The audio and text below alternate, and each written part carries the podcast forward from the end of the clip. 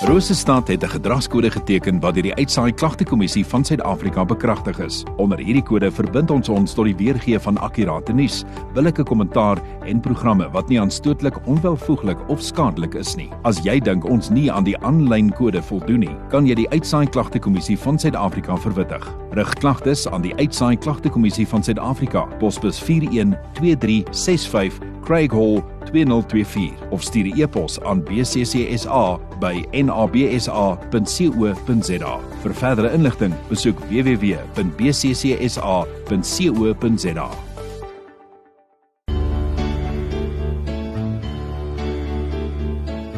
Tyd vir oggendgodsdiens op 100.6 FM. Goeiemôre van my af. Dis 'n groot voorreg om hierdie week saam met jou hierdie woord te gekuier het en uh môreoggend begin ons met so 'n stukkie voorbereiding vir Sondagoggend en Sondagaand se uitsendings vir ons Rosestad eredienste wat dan Sondagoggend en Sondagaand sal wees. Maar oulas vanoggend so 'n gedagte uit die boek van Jonas. As jy wil kan jy saam met my blaai na Jonas 4. Ons was gisteroggend by Jonas 1 gewees by die eerste twee verse. Nou soos daar by die laaste verse in Jonas 4. Ons gaan vers 10 tot 11 lees. Terwyl jy na Jona 4 toe blaai dan die Ou Testament, uh so gedagte net om vanoggend in te lei na Jona gevlug het. Toe hy hoor dat God sy vyande wou red, het dit duidelik geword dat God meer moeite met sy eie profeet het as met die sondaars. Dis nog 'n gedagte om deur te werk, maar kom ek herhaal dit net gou. Dis duidelik uit Jona dat God meer moeite en uitdagings met sy eie profeet het as met die sondaars wat hy wou red. Wat ek bedoel is God red die stad Ninive met 'n kort preek van een enkele sin. Jy kan sommer self daar gaan lees hoe lank het Jonah gepreek ewentueel in Ninive, dis letterlik een sin gewees. Maar God red die stad Ninive met 'n kort preek van een sin. Maar dit vat 'n groot klomp moeite en bekleierery en oreed en aanpor en teleurstellings om Jonah, sy eie profeet, so ver te kry om aan te sluit by God se missie, by God se prioriteit. Kom ons noem dit God se passie.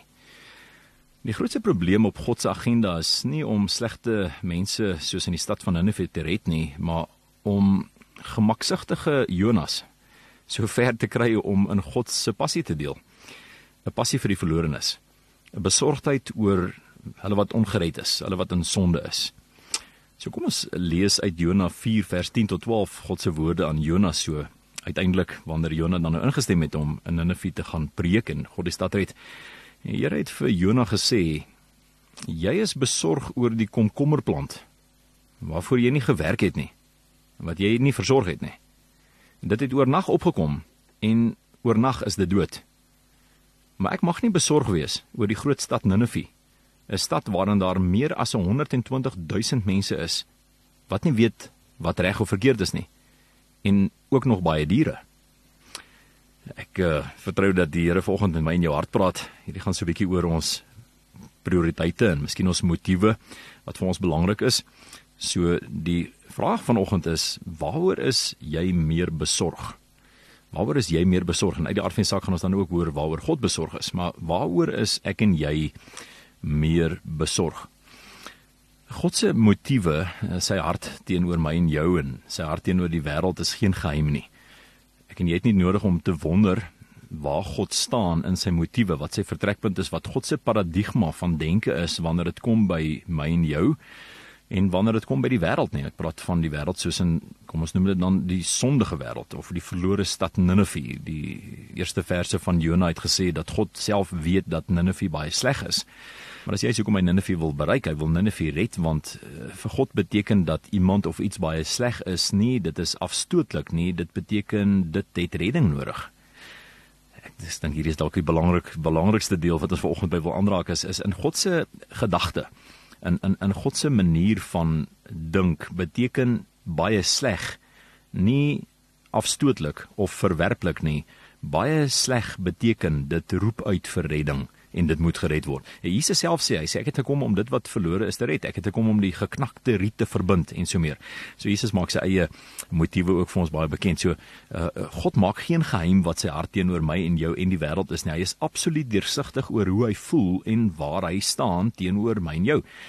Luister wat sê Efesiërs 1 vers 3 tot 6. Ek lees uit die Afrikaanse vertaling, die 53 vertaling. Dit sê geseënd is die God en die Vader van ons Here Jesus Christus wat ons geseën het met alle geestelike seënings in die hemel in Christus. Soos hy ons in hom uitverkies het voor die grondlegging van die wêreld om dit heilig en sonder gebrek voor hom in liefde te stel deurdat hy ons voorbeskik het om ons as sy kinders vir homself aan te neem deur Jesus Christus na die welbehae van sy wil tot die lof van die heerlikheid van sy genade waarmee hy ons begenadig het in die geliefde. Nou miskien wil jy soos ek sê lees net weer.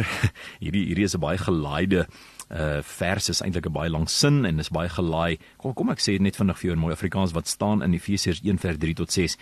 Dit sê dat God het voordat hy besluit het om die aarde met al sy tektoniese plate, sy onderlaag, al sy magnetiese velde, voordat God die die aarde soos hy geologies bestaan, besluit het om te maak, het hy reeds besluit om op daardie aarde mense te hê wat die objek van sy liefde sal word en dat as daardie mens faal, hy hom elke keer deur genade sal red en oor en oor sal terugplaas in die plek wat hy behoort.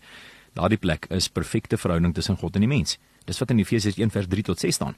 Dis al hierdie groot woorde nie. Hy het ons voorbeskik en en uitgekies en ehm um, ons aangeneem as sy kinders na die welbehae van sy wil. Dit beteken dit was sy hart van die begin af gewees tot lof van die heerlikheid van sy genade. Ehm um, dit sal sy genade beskryf en sy genade bevestig waarmee hy ons begenadig het in die geliefde. Dit beteken waardeur hy éventueel deur Jesus Christus ons wat luister vanoggend gered het en sy wil in ons lewens vervul.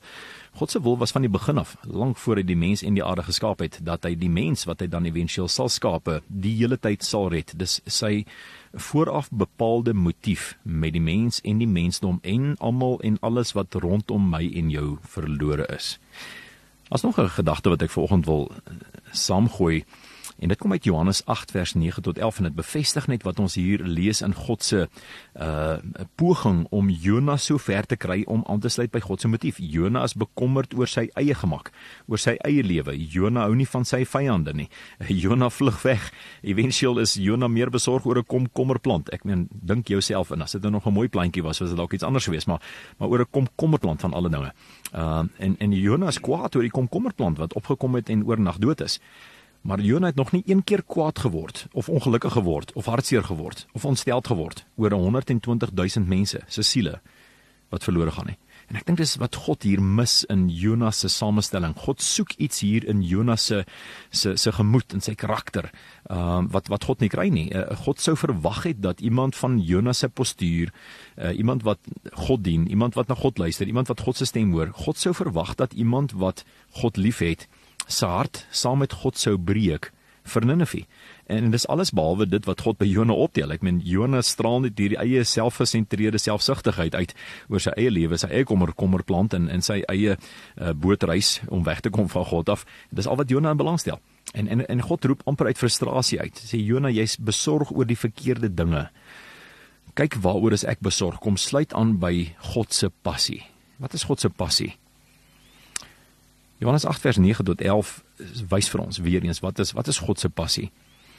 En toe hulle dit hoor, het hulle deur hulle gewete bestraf, een vir een weggegaan, van die oudste tot die laaste toe.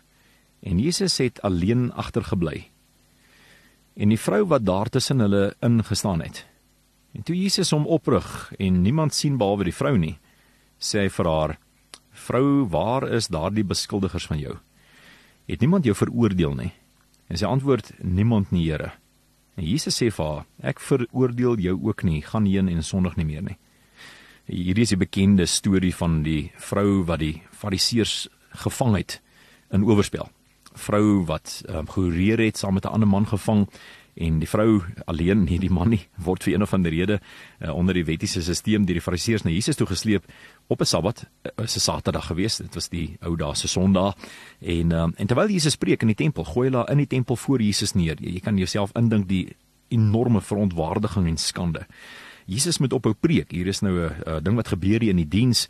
En uh, en hier lê 'n vrou uh, wat nou net in oorspel gevang is en die fariseërs met hulle beskuldigings en hulle veroordeling staan daar en sê wat sê u? Moses sê maak haar dood. En en hoor Jesus se moeite met godsdienstige mense versus sy moeite met die vrou Dis dis asof God baie meer moeite het om mense wat veroordelend is teenoor die wêreld te oortuig om aan te sluit by God se werk en aan te sluit by God se passie en God se handvat en saam met God te begin werk as wat God moeite het om hulle wat verlore is eintlik te red. Ek meen Jesus het hierdie lang gesprek, hierdie aksie, hy gaan op sy knieë, hy moet op die grond skryf, hy moet weer opstaan, hy moet weer op die grond skryf. Hy het 'n hele gesprek met die Fariseërs wat veronderstel is om God se hart te ken, soos Jona. En dan wanneer dit kom by die verlorenes, dan red God die stad Ninive met een sinnetjie. Wanneer dit kom by die vrou wat oorspelig is en eintlik die probleem het, dan red hy haar lewe met een of twee sinne. Het niemand jou veroordeel nie, vrou? Nee, sê sy, hulle is almal weg. Almal wat my wou doodmaak is nou weg. En Jesus sê vir haar, ek veroordeel jou nie, gaan heen en sondig nie meer nie.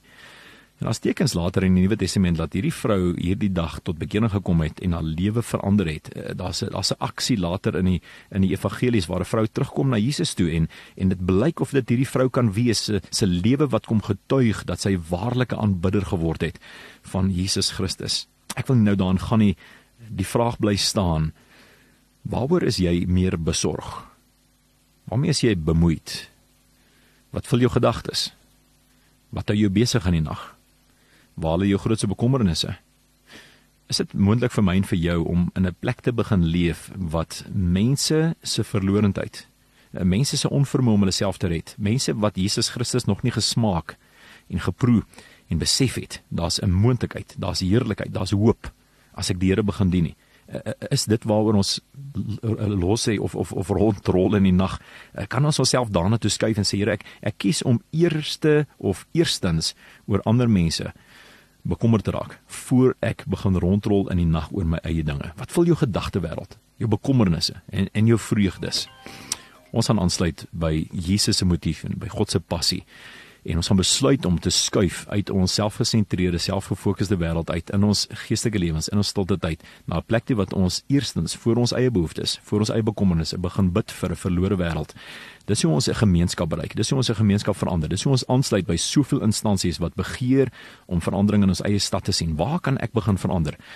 Geliefde, neem God se hand, sluit aan by God se passie, begin die Here se hart hoor oor verlorenes en swaai jou fokus vinnig en maklik sodat God die verlorenes kan bereik deur my en jou samewerking.